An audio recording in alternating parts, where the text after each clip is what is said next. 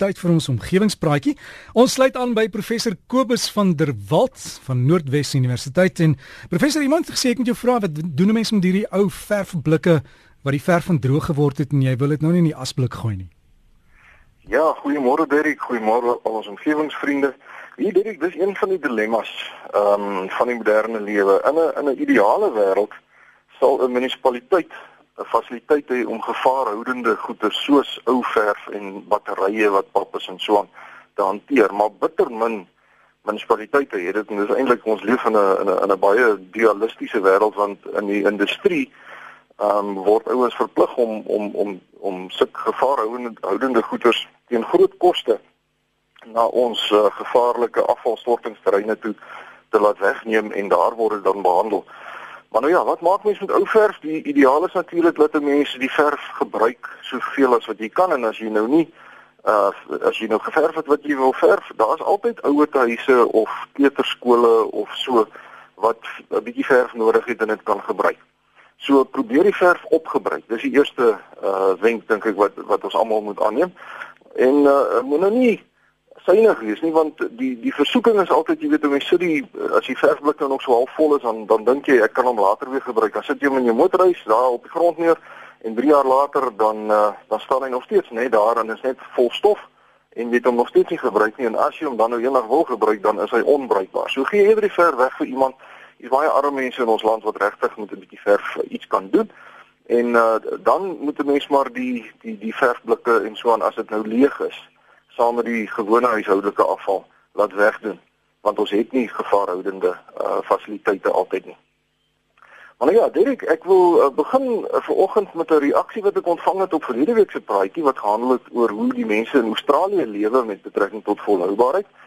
En meneer Fred Owen van Boggomsbaai, sy, sy mening is dat ons hier in Suid-Afrika in 'n fantastiese land woon, maar ons is heeltemal te geneig om owerhede en leiers, ander mense te blameer vir die toestand van ons paaie, ons woonbuurte, dienste, ons omgewing en die veiligheid en sekuriteit en so. Hy sê as die regering dan nou nie aan ons verwagtinge voldoen nie, dan gaan sit ons almal rond en ons bekla ons lot. En sommige mense gebruik die onbevoegdheid van die regering en owerhede van die dag as 'n tipe kruk vir hulle vir hulle self uh, en sê dan dis alles hulle skuld. Uh, en nou vra jy of die tyd nie dalk aangebreek het dat ons maar self 'n bietjie na ons eie belange moet omsien nie. Moet ons nie self die verantwoordelikheid vir ons eie veiligheid neem en uh, vir ons toestand van die omgewing neem nie. Hy voel ernstig oor die saak dat elke mens behoort te sorg byvoorbeeld om sy eie sypaadjies skoon te hou. Ehm um, al be, al behoort die sypaadjie nie aan jou nie, dis eintlik die munisipaliteit se werk. Maar ons kan ons eie parke en strande en woongebiede opruim en onderhou. Ehm um, en hy sê elke mens behoort sy eie groentetentjie te maak, ons eie grijswater te benut, ons eie reënwater op te vang en so aan. Daar's soveel dinge wat ons self kan doen uh om die omgewing beter te maak. Uh, en ons kan dit totaal onafhanklik doen van die owerhede mits dit dan natuurlik binne die raamwerk van die wetgewing geskied. Ehm um, nou ja, hy sê as mense aanhou om ander mense te blameer vir die slegte en jy doen niks self nie, dan gaan die slegte kort voorlank die norm word en dan trap ons in ons eie slaghuister. So baie dankie uh meneer Fred Orban van Bochumsbaai. En ek moet sê dat ek 100% met u sentimente saamstem, uh, maar ek wil daarom net noem dat daar lankal baie honderde dorpe en woonbuurte is waar die inwoners die verantwoordelikheid op hulle eie skouers geneem het om hulle plek te onderhou of om die omgewing se gehalte te verbeter. As voorbeeld kan ek die buurt noem hier waar ek woon in Potchefstroom. Ons het 'n baie bekwame wijkkomitee gekies, 'n klompie voorslagmanne en vroue. Um en elke woonhuis in die buurt, elke gesin betaal R100 per maand in 'n fonds in. Nou ja, daar is hier en daar natuurlik 'n ou suurknol wat nou besluit het hy betaal nie. Hy ry saam maar, maar net saam op die wa. Maar die meeste mense betaal die R100 per maand in die fonds in en wat wat dan deur die wijkkomitee bestuur word en hulle gebruik hierdie geld om nuusbriefies te versprei, om die hersirkulering van afval te fasiliteer en te sorg die mooi rivier loop hierso by ons buurt verby dat hier 'n vuuroewer met gereelde tussenpose skoongemaak word en hulle het ook daar verskeie borde opgesit langs die rivier met pragtige fotos en beskrywings van watter diere, reptiele, voëls en amfibieë daar voorkom. En die padtekens in ons buurt word self herstel of vervang van daardie uh, fondse wat ons het. Ons maak ons eie slaggate reg en ons verf die verfstrepe op ons paaie self as dit dan nou dof word. Ons komitee het ook 'n sekuriteitskamera-stelsel geïnstalleer waarmee alle persone en motors wat ons woonbuurt binnekom of dan weer verlaat afgeneem word. En daar's nog 'n hele paar ander inisiatiewe soos 'n WhatsApp groep wat direk met die polisie verbind is en gereelde besoeke van die polisie aan al die huiswerkers en die tuinwerkers hier in ons buurt uh, om hulle op te skerp om paraat en opmerksaam te wees en verdagte aktiwiteite te rapporteer. Nou ek spog nou so met ons eie buurt, maar ek is seker dat daar honderde woonbuurte in Suid-Afrika is wat al hierdie goed doen en ehm um, selfs seker meer goeders doen. En dit is presies wat meneer Orban bepleit, naamlik dat ons ek dink 'n bietjie moet ophou kla en self die goed moet doen wat gedoen moet word. Al betaal ons belasting en al word daar van ons geld vermors deur onbevoegdheid en korrupsie. Ehm um, en in hierdie verband het meneer Stefans Olivier van Swellendam ook vir my geskryf. En hy sê hy was bevoorreg om 20 jaar gelede saam met raadslede van die stad Kaapstad besoek in Denemarke af te lê. Dit is nou 20 jaar gelede. En daar in Denemarke is hulle toegewys hoe afval verwyder en verbrand word om hitte in huise te verskaf. En hy sê 'n enkele trekker en 'n sleepwa met slegs 'n bestuurder en een helper, met ander woorde net twee mense, het 30 km se paaie per dag onderhou.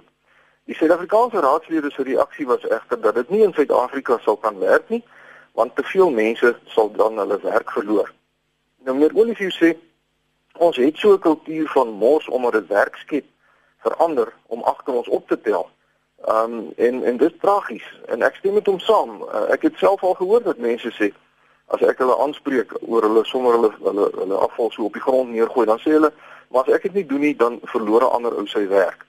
Nou dis 'n tragiese situasie en ek dink ons moet regtig alles doen wat ons kan om uit hierdie uh doodloopstraat te kom want dit is miskien polities korrek maar dit is nie uh, enige iets wat produktiwiteit en die ver verbetering van die omgewing uh ondersteun nie. As elke individu in ons mooi land begin kyk hoeveel hy kan doen en nie hoe min nie. En as ons goed begin doen bloot omdat dit die regte ding is om te doen, dan gaan ons baie vinnig vorentoe beweeg. Want so gees sal dan deurspoel na alle terreine van die samelewing toe en ook in ons ekonomie neerslag vind. En dit ek dan wil ek eindig met 'n met 'n lekker brief vanoggend wat ek ontvang het oom Willem Kolfer van Stellenbosch. Hy skryf dat hy hier eh, tussen die wingerde en afgesonder van die meeste hedendaagse lawaai en indringing woon en hy sien daagliks spreeus en vinke, mossies, glasoogies, suikerbekkies, miksterd, byevangers, tintinkies, tarantale, patruise, visante, visarende, 'n verskeidenheid valksoorte en ook uh, kraaie en duwe. Hy sê die valmuisond het pas 'n ou kleintjie gekry en by enkele geleenthede sien hy ook die Kaapse otter en ook steenbokkies en duikers. Dit klink regtig soos die paradys oom, dit, dit klink so lekker om daar te bly daar waar oom bly, maar hy het nou oom het nou vra. Hy sê hy het een nag wakker geskrik nou onlangs van 'n onaardse geluid wat klink soos iets tussen 'n kat se jammerlike gemel en die gekerm van 'n klein kindjie. Hy sê hy gaan kyk en toe sien hy spoortjies, bokspoortjies en hy weet nou nie of dit die duikertjie of die steenbokkie is nie, maar hy vermoed dit dalk een van daai klein bokkies is wat dan nou hierdie vreeslike geluid voortgebring het. Maar hy's glad nie seker nie. En nou vra hy of een van ons omgewingsvriende dalk lig kan werp. Wat se dier daar in Stellenbosse wêreld maak 'n geluid wat klink soos 'n kombinasie van 'n kat se mel en 'n baba se gekerm. So as u dalk weet of wenke het, skryf gerus vir my. My uh, e-posadres is kobus.vanderwalt@nwu.ac.za of u kan die besonderhede kry op die Facebookblad van Omgewingspraatjies. En daarmee sê ek vriendelike groete tot 'n volgende keer. Kobus baie dankie en alles van die beste en ons sal almal daar gaan loer op jou Facebook bladsy. Hy's besig sien ek. Dit ja, hy's uh, ons kry lekker reaksie en ek sal nou bly wees as mense lief vir ons laat weet wat maak daai lawaai want ek ek weet nou glad nie. Dit dit is vir my ook 'n interessante vraag. Ja, so amper ou storie, né? Kobus alles van die beste. En so gesels ons dan met Kobus van der Walt, professor Kobus van der Walt by Noordwes Universiteit en op Facebook gaan soek vir omgewingspraatjies, die meervoud omgewingspraatjies. Sluit aan en kry die inligting en deel dit ook met ons. En dan as jy wil e-pos is Kobus met 'n K, né? Kobus.vanderwalt by nwu.ac.za. Ons verkies die Facebook bladsy en dan kan ons almal deel in al die inligting.